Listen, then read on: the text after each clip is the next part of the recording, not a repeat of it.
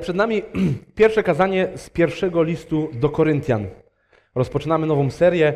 Skończyliśmy już kazania z Księgi Joba, więc czas otworzyć coś nowego, teraz Nowy Testament. I jak Bóg pozwoli, to dotrzemy do końca tej serii pewnie pod koniec przyszłego roku. Daj Panie Boże, tych kazań będzie więcej niż z Joba, także zobaczymy, może się uda. I bardzo się cieszę na tą serię, bo przygotowywanie się do niej, czy do pierwszych dwóch kazań, co już tak zrobiłem, e, nauczyło już mnie bardzo wiele rzeczy. Już dostrzegłem bardzo wiele myśli, wniosków. I mam nadzieję, że Bóg mnie wykorzysta żebym z, i, i za pomocą tych kazań przez Ducha Świętego będzie również zbudowaniem dla Was, czy dla całego Kościoła. Ale pozwólcie, że zacznę od wspomnienia. Jako nastolatek dobrze wiedziałem, że mój tata lubi filmy o Jasonie Bornie. Pa- Pamiętam również, za chwilę powiem więcej troszeczkę o tych filmach, jak ktoś nie widział, ale pamiętam również, że przez to ja byłem zainteresowany tą serią i lubiłem ją oglądać. Myślę, że spokojnie razem z moim tatą z cztery razy obejrzeliśmy pierwszą część, która była zatytułowana Tożsamość Borna. E, No i film wyszedł w 2002 roku, także jak ktoś go nie widział, to już za późno, czas minął. E, Także troszeczkę zdradzę z tego, co tam się działo. I pierwszym filmie zatytułowanym Tożsamość Borna poznajemy głównego bohatera. Pierwsza scena filmu jest to sztorm na morzu. Zostaje wyłowione ciało przez rybaków. Znajdują oni mężczyznę, który przeżył. I z tym, że jest jeden problem. Ten mężczyzna nie ma pojęcia, kim jest. Zupełnie nie wie, jak ma na imię, jak w tym morzu się znalazł, co on tutaj robi. Jakby nic, nie da się go z niczym połączyć. E, I w pierwszym mieście, do którego trafia, zaczynają okazywać się różne rzeczy. Rybacy go wysadzają, on zmierza do jakiejś tam restauracji czy pubu i nagle się okazuje, że po pierwsze to ma dziwne umiejętności, takich co mało kto wykorzystuje na co dzień. To znaczy bardzo szybko, bez wiedzy, zapamiętuje rejestrację samochodów. Dokładnie ma ustalony plan ucieczki z tego miejsca, pomimo tego, że on nie jest niczym zagrożony, on siedzi sobie w pubie. E, A dodatkowo jeszcze dosyć szybko się okazuje, że bardzo dobrze posługuje się bronią. E, I cała ta wiedza, te umiejętności, które w tym momencie ma, one są mu zupełnie zbędne. Bo on nie wie, kim jest. On nie wie, co on tutaj robi. Wszystko, co posiada, nie ma żadnego znaczenia, bo kluczowe jest to, kim on jest. I na tym opiera się tak naprawdę cały pierwszy film, gdzie on odkrywa to, kim jest. Odsłania kolejne karty, z których dowiaduje się więcej, więcej i więcej o sobie. I każda nowa informacja na temat tego, kim on jest, zmienia zupełnie jego zachowanie. Potrafi obrócić się o 180 stopni i zmienić kierunek, w którym idzie, bo właśnie się czegoś dowiedział.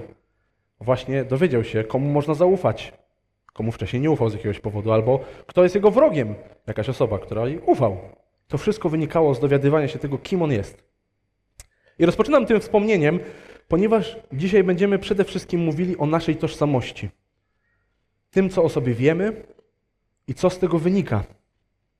I zanim jednak przejdziemy do tekstu, który już Jaśmina czytała, to kilka zdań kontekstu do całego listu. Miasto Korynt znajduje się w Grecji i mieści się zaraz obok przesmyku korynckiego. Nie mam żadnej mapki, ale może by pomogła. Ten przesmyk dzisiaj jest kanałem. I ten długi na 6,5 km kanał pozwalał zaoszczędzić 370 km żeglugi. E, Co sprawiało, że był bardzo popularny. Wielu żeglarzy zamiast krążyć między wyspami greckimi i tak dalej, po prostu przebijało się przez ten przesmyk, przyciągali swoje statki lądem. Było to zdecydowanie szybsze. Dzięki czemu Korynt, jako miasto znajdujące się zaraz obok, bardzo się bogacił. Było to popularne miasto. Świadczyli najróżniejsze usługi od przenoszenia statków, od noclegów dla tych ludzi, którzy tam się przemieszczali. Były, te, były też miejscem handlowym. Naturalnie po prostu dużo ludzi się tam zbierało.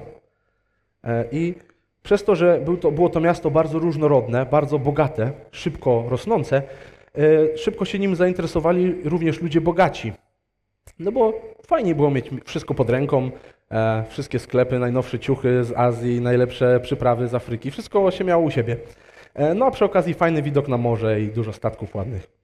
I biorąc to wszystko pod uwagę, Korynt był po prostu wypełniony ludźmi z różnych kultur, z różnych warstw społecznych, wyznających najróżniejsze religie. I w tym Koryncie, w roku około 50 naszej ery, znajduje się Paweł i zakłada tam kościół, apostoł Paweł. I w tym kościele zostaje przez 18 miesięcy, żeby głosić Ewangelię. I gdy wyjeżdża, po nim w Koryncie zostaje Apollos, którego już poznaliśmy w naszym tekście. Mija trochę czasu i dostajemy pierwszy list do Koryntian. I uwaga, tutaj nazwa może być myląca, myląca, ponieważ nie jest to pierwszy list do Koryntian. Ponieważ w samym liście, w rozdziale 5, wersecie 9, już pisz, możemy przeczytać, że sam Paweł mówi: Już wam wysyłałem wcześniej list, ale go nie zrozumieliście. Zatem nie jest to pierwszy, ale jest to pierwszy, który mamy w Biblii. Temat tego, co w Biblii znajdziemy, a co nie i dlaczego, zostawiam na kilka innych wykładów, bo to na pewno byśmy nie zrobili w czasie jednego kazania i też nie o to dzisiaj chodzi. Ale zajmiemy się tym, co znajdziemy w tej Biblii, czyli pierwszy list do Koryntian. I dodatkowo oprócz tego, w całym liście do Koryntian, już kończąc ten wstęp, znajdziemy sporo informacji mówiących nam o tym, że Paweł również w tej treści odpowiada na jakieś pytania, wątpliwości. Na przykład w siódmym rozdziale, pierwszym wersecie czytamy: Jeśli chodzi o sprawy, o których pisaliście, odpowiadam. W siódmym rozdziale 25. Co do kobiet, jak gdyby było to kolejne z odpowiedzi, kolejne z pytań, na które odpowiada. Co do ofiar i tak dalej. Ten motyw odpowiadania się pojawia. Zatem Paweł nie wchodzi z buciorami do Koryntian, żeby nakrzyczeć i wyjść, tylko mają oni sporo rozterek, sporo problemów, sporo trudnych pytań. Nie wiedzą, co z nimi zrobić, więc zwracają się do Pawła. I mając te wszystkie informacje, możemy zajrzeć do pierwszych 17 wersetów.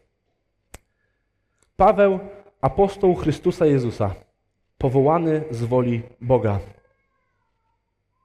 I wiem, że daleko nie zaszliśmy, ale musimy się tu zatrzymać. I zatrzymujemy się tutaj dlatego, ponieważ jest to najważniejszy moment w całym liście. Naprawdę. Jest to najważniejszy moment całego listu. Jeżeli nie poradzimy sobie dobrze z tym tekstem, to nie mamy co czytać dalej. W Biblii znajdziemy 13 listów Pawła i każdy z nich zaczyna się w ten sam sposób. Paweł, powołany z Boga, z woli Boga, do bycia apostołem. Paweł dokładnie wie, kim jest. Powołany do bycia apostołem, czyli nadzwyczajnym sługą Boga, reprezentantem Jezusa Chrystusa. Wie, skąd przychodzi z woli Boga. Cała jego tożsamość obraca się wokół Boga. On pochodzi z woli Boga, idzie w stronę Bożej chwały. Dobrze wie, kim jest teraz. Więcej widzimy o tym w 15 rozdziale, wersecie 10, gdzie czytamy: Jednak z łaski Boga jestem tym, czym jestem. To, kim jest teraz, jest również od Boga. I chciałbym, żeby każdy z Was, jak teraz to słuchacie, czy na żywo, czy online, żeby każdy z nas miał tak silne i głębokie przekonanie o sobie. Niczym niezachwiane zrozumienie tego, kim jestem. Wierzę, że Bóg powołuje każdego z nas do tego, żebyśmy z pełną pewnością mogli wziąć to zdanie Pawła, podstawić tam swoje imię, leciutko je zmodyfikować, tak by dołożyć to, co tam też robimy dzisiaj. Szymon, powołany z woli Boga, do, pracow- do bycia pracownikiem korporacji dla Jego chwały. Julia powołana z woli Boga do zajmowania się domem i dziećmi dla Jego chwały. I dlaczego dodałem to, czym się zajmujemy? Bo to jest miejsce, w którym stawia nas Bóg. I to przede wszystkim w tym miejscu mamy wypełniać to ostateczne powołanie. Coś dla Pawła było byciem apostołem, głoszenie wszędzie Ewangelii. Tak często odrywamy to od tego tak naprawdę, czym się zajmujemy. Mamy naśladować Boga, naśladować Jezusa i czynić innych uczniami. I bez właściwej świadomości, skąd przychodzimy, gdzie jesteśmy w tym momencie i dokąd zmierzamy, reszta do, listu do Koryntian nie ma znaczenia. Będą to ciekawe lekcje, na pewno. Warto może posłuchać. Albo jakieś interesujące zagadnienia. Ale ten list jest napisany do Kościoła Bożego, do poświęconych w Chrystusie Jezusie, powołanych świętych. I wiecie, cały świat dookoła zachęca nas ciągle do posiadania tożsamości w czymś innym niż Chrystus. Świat, który nas otacza, chce, żeby nasza tożsamość była w tym, jaka jest nasza orientacja seksualna, albo jakie jedzenie lubimy, albo nie, nie lubimy. Może nie jemy mięsa i to jest kluczowy moment naszego życia. To jest to, co nas definiuje. Może to, jak wygląda nasze ciało, jest najważniejsze. Albo jak bardzo lubię samochody, komputery, RPG, jak lubię się malować. Czy jestem mamą? Czy może jestem kocią mamą? Psią mamą. Tutaj trzeba uważać. Czy cokolwiek innego, co świat proponuje. Nasza tożsamość ma być w Bogu. Nasza tożsamość ma być w Chrystusie. I dlatego w Chrystusie, bo On sam o sobie mówi, ja jestem drogą, prawdą i życiem. Ja jestem drogą, przez którą idziesz. Ja jestem tą prawdą, do której zmierzasz. Ja jestem tym życiem, które Ci dałem. Albo ja jestem zmartwychwstaniem i życiem. Kto we mnie wierzy, choćby nawet umarł, żyć będzie. A każdy, kto żyje i wierzy we mnie, nie umrze na wieki. On w swojej woli powołał nas do życia. Dzięki Niemu jesteśmy w miejscu, w którym jesteśmy i ostatecznie zmierzamy do Jego chwały. I dlatego taki tytuł kazania. Kim jestem? Kim jesteś? I dlatego mówię, że to jest najważniejszy moment naszej serii. Jeśli nasza tożsamość, nawet w najmniejszym stopniu, będzie w czymś innym niż w Chrystusie, to będą to ciekawe lekcje, ale prędzej czy później, w tym liście, kto czytał list do Koryntian, ten wie, trafimy na momenty, które nam nie pasują, które nas urażą, które nie wpisują się w ogóle w to, jaki mamy pomysł na życie. I wtedy, jak nasza tożsamość jest gdzie indziej niż w Chrystusie, nic z tym nie zrobimy. Pozostaniemy urażeni, obrażeni, stwierdzimy, że nie jest to temat warty, żeby go poruszać, bo ja mam swoje zdanie, a ty masz swoje. Nie, Biblia nie ma swojego zdania, Biblia ma to zdanie. Postawimy wyżej to, co czujemy, nad to, jaka jest prawda. I oby takie kazania, które nas urażają, które nam nie pasują, oby się zdarzały. Bo to znaczy, że prawdziwie i uczciwie podchodzimy do Bożego Słowa. Albo kaznodzieja rzeczywiście przechodzi przez tekst, a nie tylko przez to, co warto powiedzieć. Naprawdę, jeżeli nasza tożsamość nie jest w Chrystusie, niech ta świadomość nie pozwoli nam dzisiaj spokojnie zasnąć. Niech wieczorem, będzie, będzie, niech każdy z nas wieczorem ma czas, w którym naprawdę musi przemyśleć, o co mi chodzi w życiu.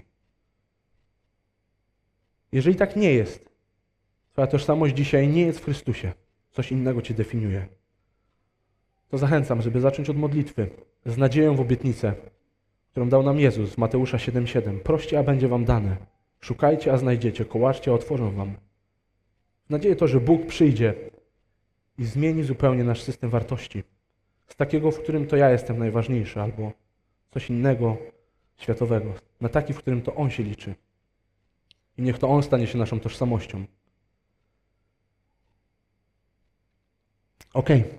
Zatem ustaliliśmy pewną podstawę, dzięki której właściwie możemy podejść do drugiej części kazania, jak i do wszystkich innych. Nie martwcie się, będę przypominał o tym podczas następnych kazań nie tak długo, ale naprawdę jest to kluczowe. I drugi, drugi temat, którym się dzisiaj zajmiemy, to temat jedności. I znowu, zanim do niego przejdziemy, to Paweł wrzuca szybko modlitwę. W wersetach od 4, 4 do 9 znajdujemy wypisaną modlitwę Pawła. Jest to kolejna rzecz, którą robi w każdym swoim liście. I ci z Was, którzy czytają listy w całości, albo mieli okazję szerzej, głębiej przyjrzeć się modlitwie Pawła, mogą zauważyć, że ta modlitwa bardzo często odpowiada, czy jakby nawiązuje do tego, o czym będzie ten list. Zatem sam Paweł najpierw w pierwszych trzech wersetach przygotowuje grunt do tego, kto mówi. Apostoł Jezusa Chrystusa, Paweł, sługa. I przechodzi teraz do tego, o czym będzie mówił, ale nie w kontekście, w którym on chce coś powiedzieć już, tylko zaczyna od oddania tego Bogu. Mówi, w Nim, w Chrystusie, staliście się bogaci we wszelkie słowo i wszelkie poznanie. Bogaci. Werset siódmy. Przez to nie brakuje wam żadnego daru łaski. Tam jest coś pomiędzy, ale ominąłem. Werset ósmy. On, Jezus, będzie umacniał was aż do końca. I na koniec werset dziewiąty. Bóg, który powołał was do wspólnoty ze swoim Synem, naszym Panem Jezusem Chrystusem, jest wierny. Jak mówiłem, Paweł w tej modlitwie, poza wspaniałymi informacjami o bogactwie łaski Bożej, zawiera kluczową myśl, którą można streścić tak. Jesteście równi w oczach Boga, równie bogaci. Nie brakuje wam nic, bo macie Go, a On powołał was do wspólnoty i jest w tym wierny. I w kontekście zboru składającego się z różnych ludzi, z najróżniejszych warstw społecznych, z różnym pochodzeniem, z różną religią w tle, różnymi praktykami w życiu, ta myśl jest szalenie ważna. My tu, jak siedzimy, jesteśmy bardzo różni, ale myślę, że nie rozumiemy tych dysproporcji, które były w Koryncie. Każdy z nas ma dach nad głową. Każdy z nas zakończył przynajmniej 10 lat edukacji. Każdy z nas potrafi pisać i czytać. Niektórzy nawet w kilku językach. Każdy z nas zna podstawy historii. Każdy z nas potrafi liczyć. Oczywiście w różnym stopniu, ale potrafimy. Potrafimy również korzystać z technologii, którą mamy. Myślę, że każdy z nas tutaj, jak jest, ma telefon. A tak czy siak potrafimy czuć się od siebie gorsi nawzajem. Bo ktoś potrafi liczyć lepiej, albo gorsi, bo ktoś jakieś umiejętności ma lepsze, albo lepiej się zna na tej technologii, a my nie. Gdy tak naprawdę te różnice między nami, one nie są tak potężne, jak w przypadku Koryntian. W Koryncie najprawdopodobniej w jednej ławce, i mówię to w cudzysłowie, bo nie mieli raczej ławek kościelnych, spotykali się po domu, ale w jednym domu spotykali się ludzie tacy, którzy potrafią czytać z tymi, co nie potrafią. Nigdy nie czytali, nie wiedzą, co to jest. Z takimi, którzy jutro zarobią tylko i wyłącznie na chleb, jeżeli Pan Bóg da, i będą mieli co zjeść. Będą mieli chleba powszedniego. Z tymi, którzy zastanawiają się, czy jak wschodzi słońce, to ich druga kuchnia w domu jest dobrze oświetlona. Tacy, którzy mają jedną szatę na całe swoje życie. Z tymi, którzy muszą się przebierać w ciągu dnia, bo w jednej im jest niewygodnie. Potrzeba więcej tych rzeczy. I samo w sobie to nie jest nic złego, tylko chcę, żebyśmy zrozumieli, że ta różnica, która była między nimi, jest potężna. W Chrystusie dopiero staliście się bogaci. Paweł o tym mówi. W Chrystusie staliście się bogaci. I to bogaci we wszelkie słowo i wszelkie poznanie, nie w ziemskie skarby. Wcześniej nie byliście bogaci. Wcześniej nie byliście rozumni. Teraz jesteście bogaci we wszelkie słowo i wszelkie poznanie. Jesteście równi w oczach Boga. Nie brakuje wam nic, bo macie Go, a On powołał was do wspólnoty, jest tym wierny. I kluczowe pytanie w tym momencie brzmi, czy ja w to wierzę? Czy gdy czytam Boże Słowo i powiedzmy trafiam na historię Samarytanki w Ewangelii Jana, wczytuję się w słowa Jezusa, który mówi, lecz ten, kto się napije mojej wody, nie zazna pragnienia na wieki. Czy naprawdę wierzę w to, że tak samo jak ta zepsuta, zagubiona, nic nie warta w oczach świata kobieta, mogę znaleźć źródło i spełnienie w Chrystusie? Czy raczej jest to dla mnie ciekawa historia, bo ja jestem od niej lepszy? Czy może ja jestem od niej gorszy i na to nie zasługuję? I swoje spełnienie i pragnienie muszę spełnić gdzieś indziej? Czy ze szczerością w sercu mogę powiedzieć, że mając Chrystusa, mam wszystko, czego mi potrzeba i nic więcej mi nie brakuje? Gdy mamy problem z tym, że myślimy o sobie lepiej od innych, zachęcam do klasyka z Galacjan 6:3. Jeśli bowiem ktoś uważa, że jest czymś, będąc niczym, zwodzi samego siebie. I teraz zachęcam nas naprawdę, żebyśmy spojrzeli na prawo, na lewo, do tyłu. Naprawdę, rozejdźmy się dookoła. Naprawdę, spójrzmy na tych ludzi, przypomnijmy sobie twarze. Może myśli, które mieliśmy przed rozpoczęciem nabożeństwa. Albo osoby, pomyślmy o osobach, których z nami dzisiaj wyjątkowo nie ma. Wiemy, że jest ślub, części z nas nie ma, bo pomagają. Znamy się dosyć w kościele. Myślimy o sobie w różnym kontekście. Czy ja czuję się lepszy, lepsza od kogoś, kogo właśnie zobaczyłem? Bo może ktoś dzisiaj wszedł ubrany inaczej niż uważam, że trzeba ubrać się na nabożeństwo. I już wiem, że coś z tą osobą jest nie tak. A ty jak zwykle ubrany w punkt. Albo może ja już wszystko wiem. O, przyszedł ten, co ma w kółko pytania. Dobra, znowu będziemy rozmawiać. No dawaj, mam, mam odpowiedzi wszystkie.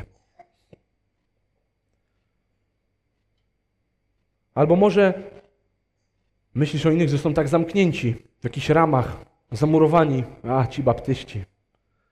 a ty taki wolny, wyzwolony, ty wiesz więcej. Naprawdę jesteś lepszy.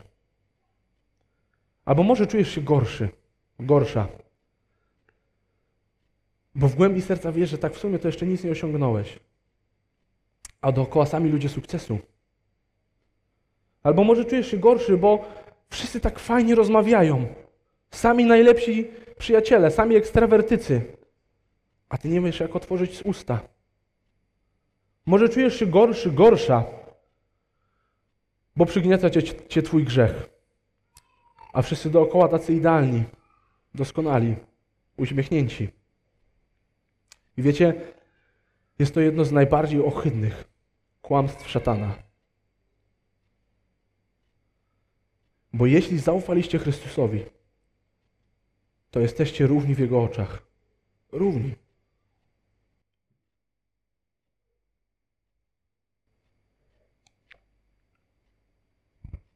I żeby było jasne, to również dotyczy mnie.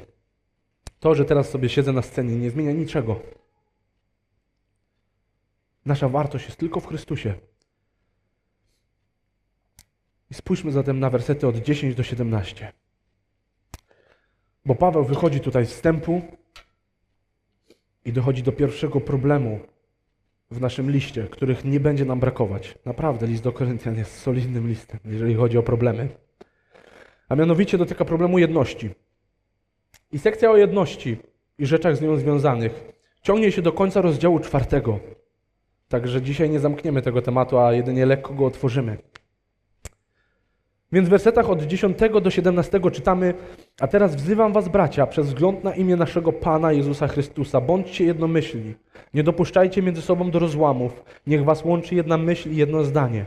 Domownicy Chloe donieśli mi bowiem, że, bowiem moi bracia, że dochodzi między wami do kłótni. Jedni z was mówią: Ja należę do Pawła, drudzy ja do Apollosa, inni ja do, ja do Kefasa, a jeszcze inni ja do Chrystusa. Czy Chrystus jest dla każdego inny? Czy Paweł został za was ukrzyżowany? Albo czy w imię Pawła zostaliście ochrzczeni? Dzięki Bogu, że nikogo z was nie ochrzciłem, poza Kryspusem i Gajuszem. Bo jeszcze by ktoś powiedział, że został ochrzczony w moje imię. Prawda, ochrzciłem też dom Stefanasa. Poza tym nie pamiętam, abym kogoś jeszcze chrzcił. Chrystus bowiem nie posłał mnie, żebym chrzcił, lecz głosił dobrą nowinę. I to nie w mądrości słowa, aby krzyż Chrystusa nie utracił mocy. Zatem czytamy, że Kościół w Koryncie jest podzielony ze względu na to, kto jako jego nauczyciela uznawał za lepszego. Więcej o różnicach między Apollosem a Pawłem omówimy podczas następnych kazań. A teraz skupmy się na tym, co znajdziemy w tych siedmiu wersetach. I na początku znajdujemy polecenie. Wezwanie Pawła brzmi: bądźcie jednomyślni, nie dopuszczajcie między sobą do rozłamów. I ciekawe jest to słyszeć. Takie polecenie, gdy mamy świadomość, że w samej Polsce mamy kościoły baptystów, baptystyczne, zielonoświątkowe, adwentystów, chrystusowych, metodystów, luteran i tak dalej. I naprawdę mógłbym wymienić długą listę tylko kościołów protestanckich. A do tego dochodzi Kościół katolicki, który chlubi się swoją jednością, a jednak różnice między kościołami są potężne. Wystarczy czasem przejechać 10 kilometrów, trafić na innego księdza i już nagle z niektórymi rzeczami już by były zgrzyty. Zatem, czy Pawłowi chodzi o jednomyślność na poziomie globalnym? Czy my dzisiaj powinniśmy usiąść i napisać jedną listę rzeczy, z którą zgodzimy się z każdym jednym chrześcijaninem na świecie? Nie. Nie chodzi mu o to. Paweł mówi tutaj o konkretnej, lokalnej wspólnocie, o kościele w Koryncie. I w wielu miejscach widzimy to w Biblii, że lokalny kościół jest punktem odniesienia.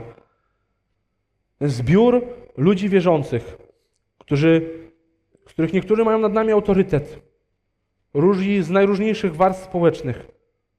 Z tymi ludźmi mamy być jednomyślni, co do sedna. Raczej w Biblii nigdzie nie, nie widzimy wolnego, luźnego, globalnego chrześcijaństwa. I o tym dokładnie tutaj mówi Paweł. Wy, Koryntianie, którzy spotykacie się często po domach, często w mniejszych grupach, ale jesteście jednym konkretnym, lokalnym kościołem. Wy, Koryntianie, macie być jednomyślni. Między sobą, nie z całym światem. Nie ma dochodzić między wami do rozłamów. Macie zrozumieć dogłębnie myśl Chrystusa i na niej wspólnie się oprzeć. I żeby było jasne, tak, mamy być jednomyślni co do sedna Ewangelii e, z innymi wierzącymi na świecie, ale co do praktyk, co do tego, w jaki sposób to robimy, jak to wygląda, Nie, nie musimy być jednomyślni. Jak czytamy problem, w, jak czytamy problem w Koryncie, problemem było właśnie faworyzowanie jakiegoś nauczyciela ze względu na styl, jaki miał. Apollos, Paweł, Kefas, to wszyscy byli ludzie wierzący, nawróceni, dwóch apostołów. Więc raczej nie chodziło o doktrynę, tylko sposób. I jakbyśmy trochę uprościli tą kwestię, to tak jakbyś dzisiaj ktoś powiedział, ja jestem Łukaszowy. Lubię kazania z całej księgi w 40 minut. I lubię, jak wszystkich chętnie pyta o wnioski i konfrontuje. To jest mój styl. Ja jestem Łukaszowy. A ktoś inny powiedział, ja jestem Piotrowy. Księga Estery i list do Hebrajczyków. Super. Moje ulubione księgi. I też bardzo lubię Stary Testament i w ogóle takie bardziej naukowe podejście. Ja jestem Piotrowy. Może ktoś tam powiedział, że jest Szymonowy, tu Sylwii mi dzisiaj zabrakło, mam ją wypisaną. E, dlatego, że można się wzruszyć na kazaniu. Z Sylwią zazwyczaj jak łapiemy kontakt wzrokowy, to ja płaczę, ona płacze, także jesteśmy zawsze dogadani. Tylko ten problem nie był kwestią ulubionego nauczyciela i tylko tego, czy ktoś ma fajniejsze lub gorsze kazanie. Bo to samo w sobie nie jest niczym złym. Naturalnie się różnimy, mamy predyspozycje do różnych rzeczy. I zupełnie normalne jest to, że ktoś może woleć kazania Łukasza, a ktoś Piotra. Nie ma w tym nic złego. Może to jest normalne, że z kimś się bardziej zgadzamy w tym, jak powinna wyglądać ewangelizacja, a z kimś trochę mniej. Mamy inny styl. Koryntianie w pewnym sensie budowali swoją tożsamość na tym, kto był ich nauczycielem. Czy był to potężny apostoł Paweł, który bez żadnego strachu wchodził i wszędzie głosił Ewangelię. I możliwe, że był inspiracją dla wielu ewangelizacji ulicznych i wydarzeń typu kościół w parku. To był apostoł Paweł, wszędzie gdzie był. A z drugiej strony może był Apollos, bardziej wykształcony, elokwentny, bardziej z naukowego punktu widzenia potrafił ugryźć rzeczy, lepiej się wypowiadał. Zdecydowanie lepiej się wpisywał w wyższe sfery społeczne, prawda? Robimy jakieś wydarzenie, no to chodź Apollos, zaprosimy Cię, wszyscy usiądziemy w rzędzie i posłuchamy naszego wybitnego nauczyciela. A Paweł to tylko na nas nakrzyczał. I to dokładnie uderza Paweł. Wasze pochodzenie, wasze otoczenie, wasze miejsce pracy, wasze preferencje nie powinno być kluczowym elementem budowania Kościoła, ale ma nim być Chrystus. Czy to ten elokwentny Apollo został za was ukrzyżowany? Czy może Paweł został przybity do krzyża za wasze grzechy? Nie. To Chrystus wisi na krzyżu, a wcześniej w ciągu swojej trzyletniej służby używa kogo? Rybaków, celników. Ludzi bardzo biednych i bardzo bogatych. Rozmawia z faryzeuszami, z saduceuszami. Ludźmi naprawdę, z ludźmi naprawdę wykształconymi. I z, i z prostytutkami. Uzdrawia żebraków, córkę przełożonego świątyni, nieznajomych ludzi, a nawet leczy żołnierza, który przyszedł go pojmać. I Paweł dodaje do tego, że na szczęście nikogo praktycznie nie ochrzcił. I na marginesie nie dlatego, że jest przeciwnikiem chrztu. Absolutnie nie. Po prostu zlecał to swoim uczniom właśnie, żeby nigdy nie było tak, żeby ktoś mógł się zapisać do drużyny Paweł. Żeby nikt nie mógł budować swojej tożsamości na nim. I żeby jego służba, naprawdę niesamowita, nie przećmiła Chrystusa. I my mamy być Chrystusowi. Nie w kontekście tej denominacji, którą mamy w Polsce, ale mamy być od Chrystusa. Mamy tak jak On stać się sługą wszystkich. I nauczyciele nigdy nie są liderami w kontekście hierarchii, ale są liderami w kontekście służenia. Wtedy Paweł, dzisiaj Szymon, Łukasz, Maciej, Piotr, Dominik, Tymoteusz i wiele innych nauczycieli, których mam u nas w kościele, liderów grup, Wszyscy to są słudzy Jezusa Chrystusa, zrodzeni z Jego łaski i zmierzający do Jego chwały. Nic więcej niż słudzy. I ostatnia myśl przed podsumowaniem i wnioskami. Napisałem post na naszej grupie na Facebooku zachęcający do przeczytania całej księgi przed kazaniem. I troszeczkę już o tym też mówiłem. I ci z Was, którzy słuchali tego kazania teraz, jak ktoś przysnął, to przepraszam, może być zgubiony, ale e, i ci którzy z Was, którzy przeczytali księgę w całości, Wiedzą, jaki list do Koryntian jest trudny, jaki jest nieprzyjemny. Jak Paweł często dokładnie wchodzi z buciorami i tak troszeczkę na nich pokrzyczy, trochę jest nimi sfrustrowany. Ale w tym wszystkim widzimy Pawła, który zaczyna list łagodnie.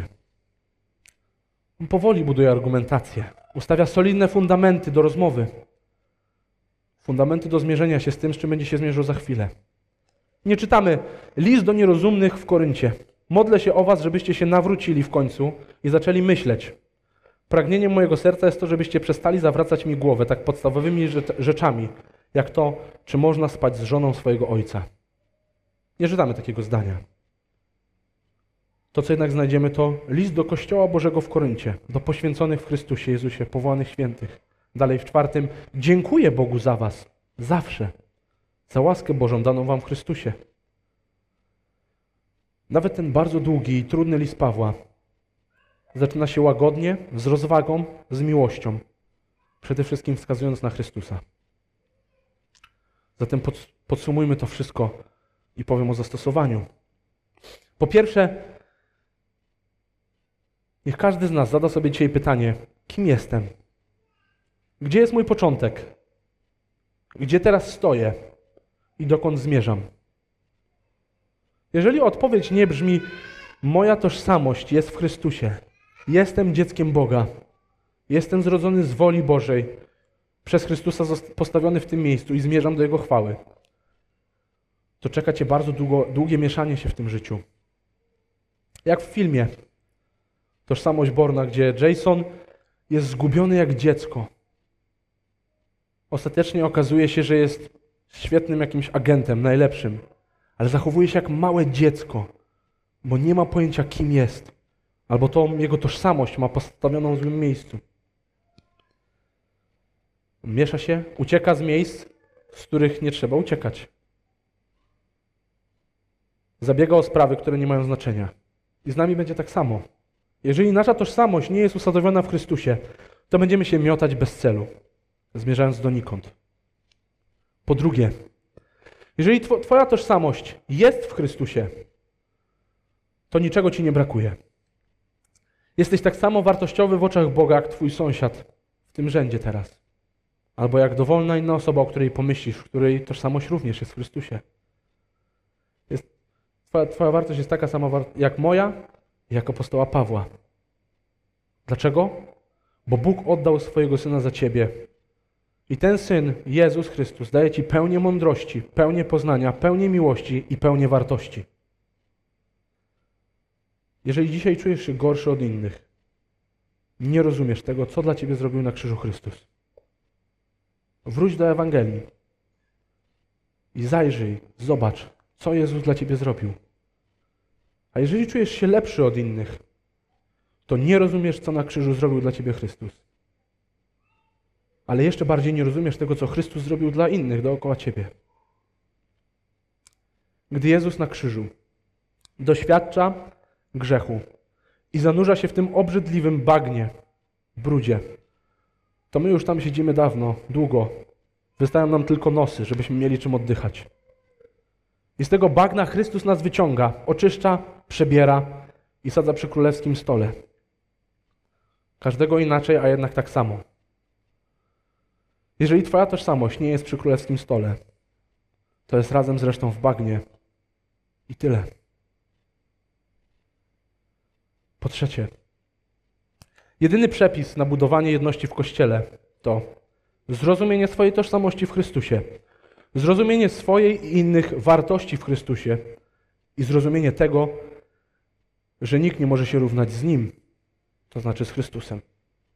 Można mieć ulubionego mówcę, ulubioną osobę do zwierzeń, ale jeżeli Ewangelia nie jest centrum nauczania, czy nie jest miejscem, w którym zmierzamy w naszej rozmowie, a górę bierze nasza natura, to co nam jest wygodne, nasz pomysł na życie i tak bardzo się z drugą osobą zgadzamy lub nie, to jedność jest poważnie zagrożona. Krok po kroku może dochodzić do rozłamów. I na koniec, po czwarte, zachęcam Was, ale też siebie. żebyśmy jak Paweł, a przede wszystkim jak Chrystus, podchodzili do trudnych rozmów z innymi wierzącymi. Nawet jeżeli tym wierzącym jest moja żona, mój mąż, moja przyjaciółka, przyjaciel i już naprawdę udało im się mnie zdenerwować. Zacznijmy od ustalenia tego, kim jesteśmy, czyli sługą Jezusa Chrystusa, a nie wszechwiedzącym sędzią. I dalej kontynuujmy rozmowę modlitwą dziękczynną za to, co Chrystus już dla nas zrobił i co w nim mamy. Obiecuję Wam, że zaczynając od szczerej, dziękczynnej modlitwy, każdą rozmowę, naprawdę drastycznie zmniejszymy ilość krzyków i złego traktowania innych ludzi. Wobec grzechu bądźmy stanowczy i bezwzględni, ale wobec osób bądźmy łagodni i pełni miłości.